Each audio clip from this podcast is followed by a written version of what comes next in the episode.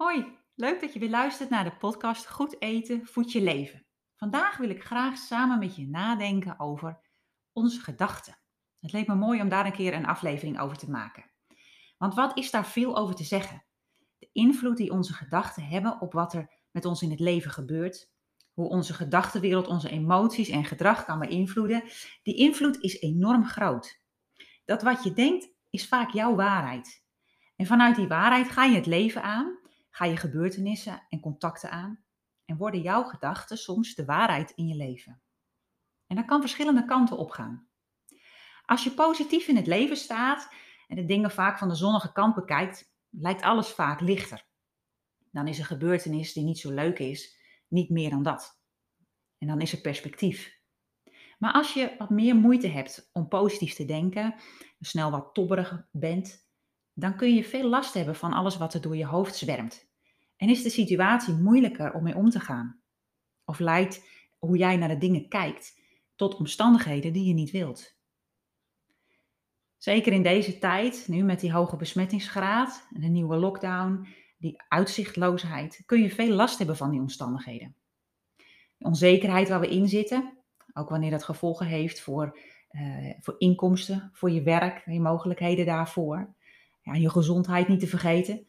En de onrust in de maatschappij, al die zaken veroorzaken somberheid, depressiviteit en mentale klachten. En ik denk dat het heel belangrijk is om gelijk nu aan het begin te melden um, dat een echte depressie, daar wil ik absoluut niet licht over doen. Je kunt zo diep zitten dat je nergens meer licht ziet. En als dat voor jou geldt, zoek dan alsjeblieft hulp. Trek aan de bel. Zoek contact. Zeker als je de zin van het leven kwijt bent geraakt, bel je huisarts. Blijf niet alleen zitten. Dat kun je niet alleen dragen. En dat hoeft niet. Het mag niet. Ik denk dat het altijd heel belangrijk is om aandacht te hebben voor wat er in je hoofd omgaat. Dat je opmerkt hoe je erbij zit en hoe die ander erbij zit. Deze situatie, en ik gebruik corona nu als voorbeeld, dat gaat aan niemands neus voorbij. En we hebben er allemaal onze ideeën en gedachten over en meningen die we vaak graag delen met anderen. Maar soms is er in je hoofd ook van alles aan de hand waar je met niemand over praat. Het kan heel snel gebeuren dat je gedachten zoveel macht hebben dat je in een neerwaartse spiraal terechtkomt. En dat je je helemaal laat leiden door een gedachte. Die voor je het weet een volgende gedachte oproept en zo verder.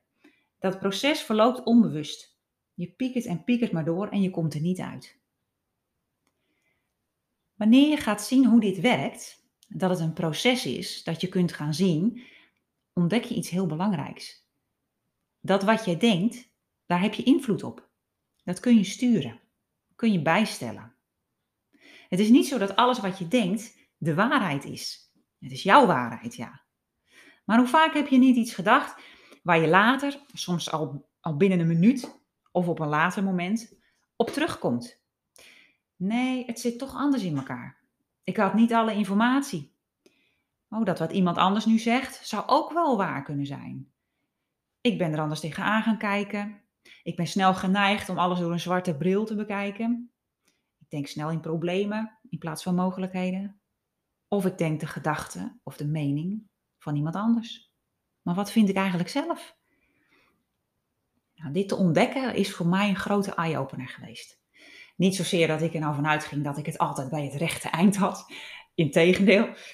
Maar juist dat je je hele denkproces meer uit het onbewuste kunt halen.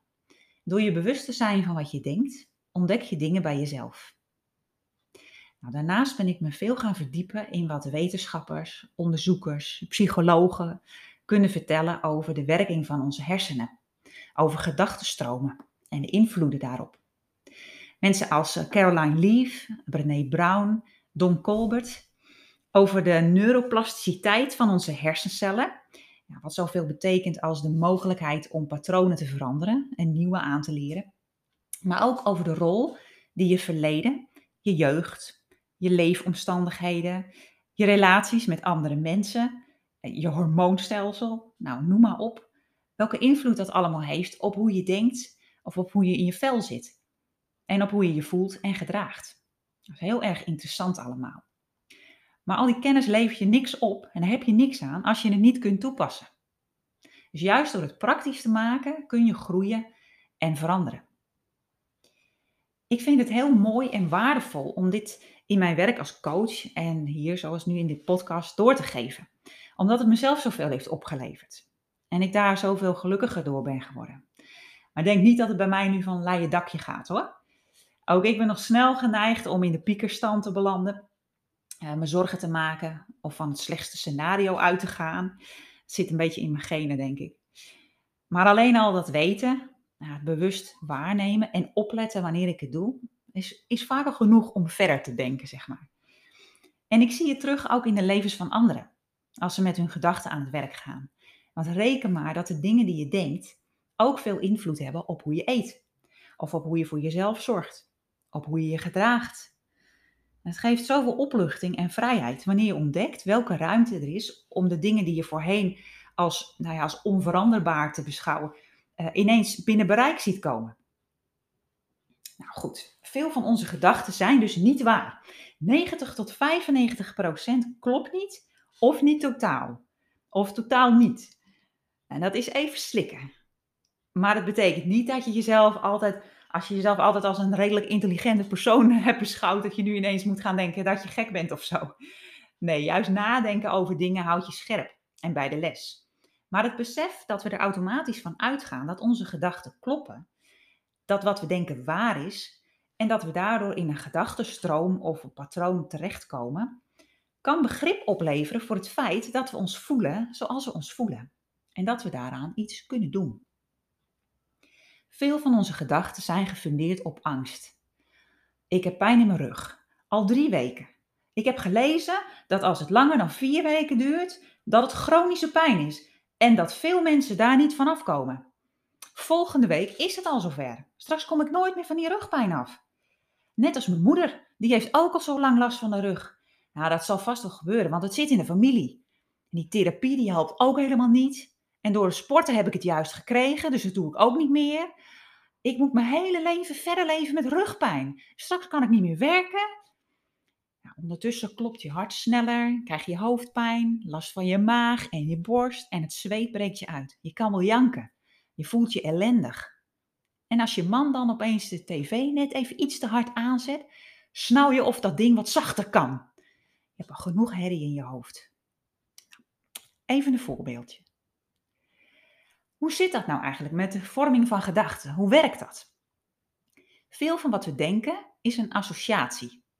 We plakken een stukje nieuwe informatie aan iets bekends. Iets wat we weten of eerder hebben meegemaakt. En in een fractie van een seconde heeft je brein van deze combinatie een nieuwe gedachte gemaakt. En daar kan dus veel misgaan. Kan een vervorming ontstaan. We kunnen bijvoorbeeld gaan overgeneraliseren. Dat betekent, je hebt een klein stukje bewijs en je trekt meteen een verstrekkende conclusie. Bijvoorbeeld, je man gooit zijn sokken een keer niet in de wasmand, maar laat ze op de grond liggen. Ik kan ook altijd zijn troep opruimen. Hij doet nooit een keer wat. Of voor de ander denken. Oh jee, niemand zegt er iets over mijn nieuwe jurk. Ze zullen vast wel vinden dat hij me niet staat. Of alles of niets denken.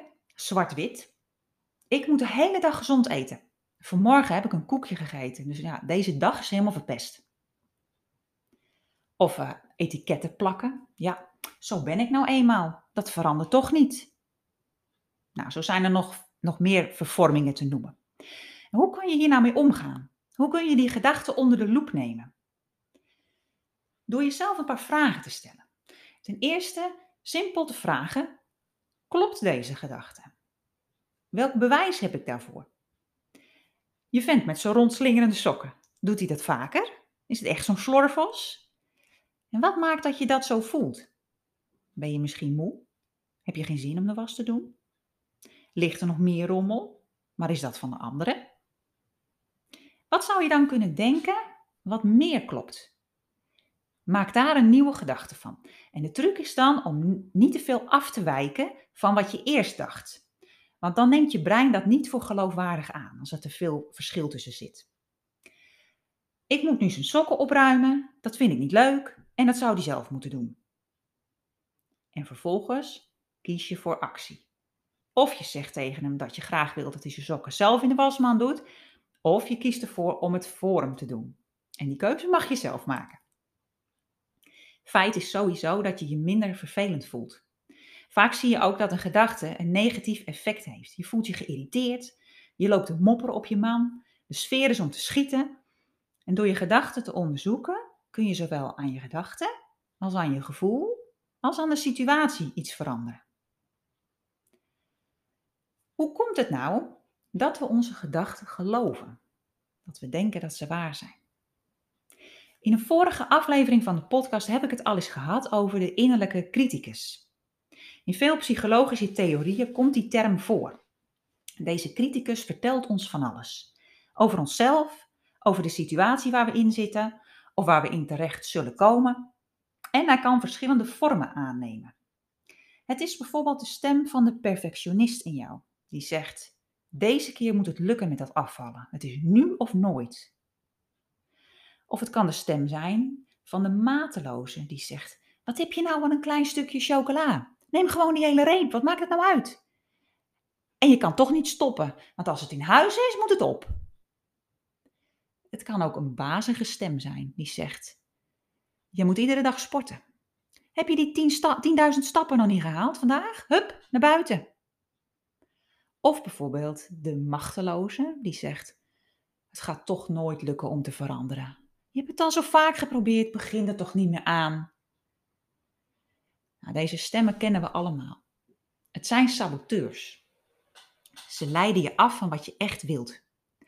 Maar als je goed luistert, zit er vaak een waarschuwende ondertoon in die boodschappen. Saboterende stemmen zijn namelijk ooit ontstaan om je te beschermen. Ze willen niet dat je het moeilijk hebt. Ze willen alles bij het oude houden. Of ze willen dat het het allerbeste met je gaat. Die perfectionist wil je graag behoeden voor teleurstelling, want hij weet heel goed hoe het voelt als je het niet haalt. Dus hij waarschuwt dat je heel erg je best moet doen. Het probleem is alleen dat je die perfectie nooit haalt. Soms is de stem ook een stem uit je verleden. Een ouder of docent bijvoorbeeld, die graag wilde dat je zou slagen op school. En de vraag waarom een 8 geen 9 of 10 was, die kan je ook op volwassen leeftijd nog achtervolgen. Dan is het je eigen stem geworden. Goed, beter, best. Maar het is nog steeds niet perfect. En er is niks mis met je best doen. Maar ook al doe je nog zo je best, perfectie ga je nooit bereiken. En perfectionisme is dus een slavendrijver die we onszelf vaak opleggen. De machteloze die kan gevormd worden door eerdere ervaringen. De bazige, dat is eigenlijk, die is eigenlijk gewoon bang. Bang om de controle te verliezen, om gevaar te lopen, of verdriet of teleurstelling te ervaren. Er zijn nog meer van die stemmen, saboteurs. En om te voorkomen dat je nu denkt, zegt ze nou dat ik stemmen hoor? Het zijn je eigen gedachten. En ik noem ze stemmen om duidelijk te maken dat ze de waarheid niet spreken. Allemaal bedoelden ze het goed, maar ze zijn hun doel voorbijgeschoten. En ze helpen niet meer, maar tegen. Ze houden je tegen. Ze houden je gevangen in oude patronen of situaties. Maar dat begrijpen deze gedachten niet. Het mooie is dat je ze dat wel kunt leren. Niet door ze glashard tegen te spreken, maar omdat ze het goed bedoelen met je, benader je deze gedachten met begrip, respect en compassie. Je gaat ze opvoeden. En dat doe je stap voor stap. Je kunt dit doen door te beginnen met opschrijven wat er in je hoofd rondcirkelt. De gedachte geef je letterlijk weer. En dan ga je kijken, helpt deze gedachte mij om het leven te leiden wat ik wil? Om het doel te bereiken dat ik voor ogen heb?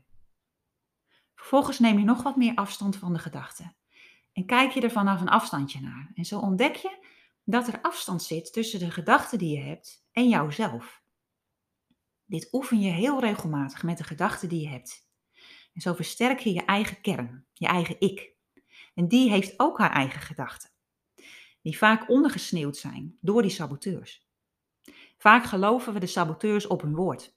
Zijn we al jaren gewend aan hun praatjes en zijn we de verbinding met onze eigen ik verloren.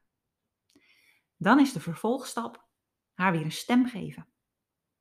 Door te beseffen dat de saboterende gedachten maar wat roepen en denken dat ze gelijk hebben, kun je je eigen stem, die echt weet wat ze wil, weer beter gaan horen. Maar wanneer je hiermee oefent, zullen de saboteurs harder gaan roepen.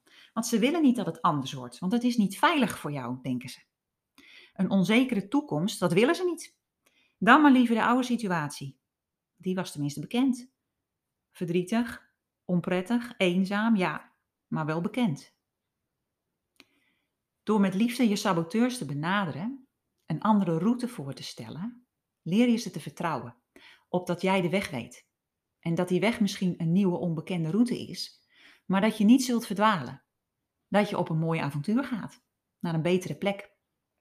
Zo kun je uit je oude situatie stappen. En dat is niet makkelijk. En soms merk je dat saboteurs heel hardnekkig zijn en vaak terugkomen. Maar onthoud dan, als het lastig is, gedachten zijn gedachten. Ze komen en gaan. En soms helpt, helpt het om je voor te stellen dat je uh, op je rug in het gras ligt en boven je drijven de wolken voorbij. En daar hoef je niks mee te doen. Die gedachten, dat zijn eigenlijk een soort wolken. En merk je een moeilijke of een nare gedachte op, laat hem overdrijven. Ga er niet in mee. Maar voel die zon op je gezicht en het kriebelende gras onder je armen. Je bent hier en je bent niet in je hoofd. Het leven is niet maakbaar. Je kunt je omstandigheden vaak niet veranderen. Maar we kunnen kiezen hoe we ermee omgaan. Dat vergt oefening en bewuste keuzes. De keuze om te kiezen voor iets beters. Steeds opnieuw als het moet. We hebben de kracht daarvoor gekregen. En we kunnen daar steeds opnieuw uit putten en om vragen wanneer we weer een nieuwe dosis kunnen gebruiken. In 2 Timotheus 1 vers 7 staat, God heeft ons niet een geest van bangheid gegeven, maar van kracht, liefde en bezonnenheid. En bezonnenheid wordt ook vaak vertaald als zelfbeheersing. En in Romeinen 12 vers 2 staat, word hervormd door de vernieuwing van je denken. Zo zul je erkennen wat de wil van God is, het goede, welgevallige en volkomene. Ik vind dat zo mooi. Het mooie ligt voor je klaar. En door je gedachten steeds opnieuw te vernieuwen, richt je je op dat mooie. Wat je denkt, voel je. En zeg je. En doe je. Je gedachten worden je waarheid en hebben effect op je leven. Als je goede dingen kunt denken en je gedachten kunt bijstellen, levert dat zoveel op. Dan ben je niet meer het slachtoffer van je omstandigheden, dan pak je zelf de regie. Ik las gisteren een prachtige uitspraak van Edith Eger. Zij is de schrijfster van het boek De Keuze. Je kent het misschien wel. Zij is overlever van de Holocaust. En ze heeft afgrijzelijke dingen meegemaakt.